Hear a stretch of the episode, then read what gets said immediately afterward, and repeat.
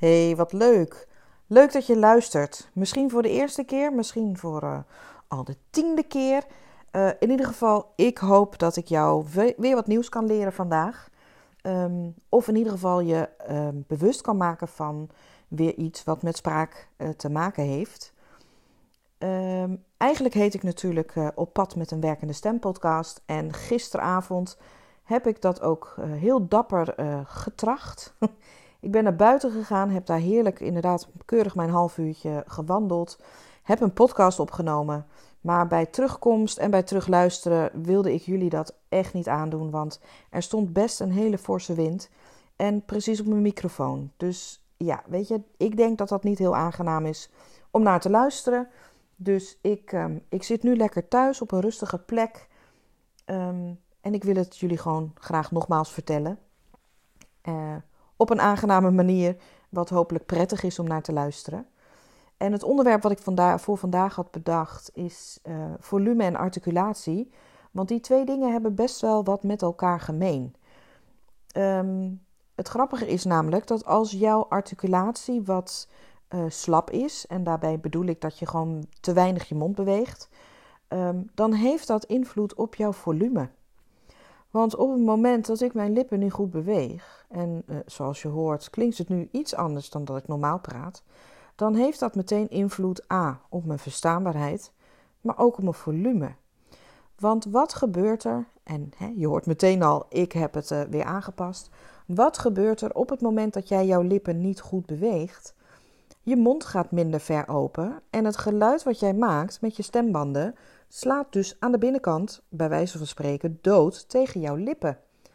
Je mond is niet open, dus jouw mond uh, verspreidt dat geluid niet. Als jij last hebt of moeite hebt met um, verstaanbaar spreken, omdat je van mensen hoort je praat zo binnensmonds of je mompelt, dan zou dat heel goed te maken kunnen hebben met die lippen en met de beweging daarvan. En heel graag wil ik jou via deze weg een oefening geven voor je bewustzijn, maar ook meteen een soort training waarbij waarschijnlijk jouw verstaanbaarheid meteen met sprongen vooruit zal gaan. Met als klap op de vuurpijl ook nog dat je volume gewoon meteen verbetert. De oefening die ik daarvoor heb is wat je kunt doen. Um, je neemt de vijf klinkers en dan heb ik het nu over een A, een E, een O, een I en een oe. Dat zijn de klinkers en de klanken die ik vaak gebruik tijdens mijn uh, behandeling. Ik wil jou vragen om deze klanken, dus de A, de E, de O, de I en de oe, om die uit te spreken als je voor de spiegel staat. En dan mag je dat lekker heel overdreven doen. En ik wil dat jij goed kijkt naar wat jouw lippen en jouw wangen en jouw spieren en jouw tong allemaal voor bewegingen maken. Want als je daar bewust van bent, dan zal het spreken meteen al een stuk verbeteren. Um, schrijf voor jezelf op wat je ziet en wat je voelt en wat je ervaart als je dat doet.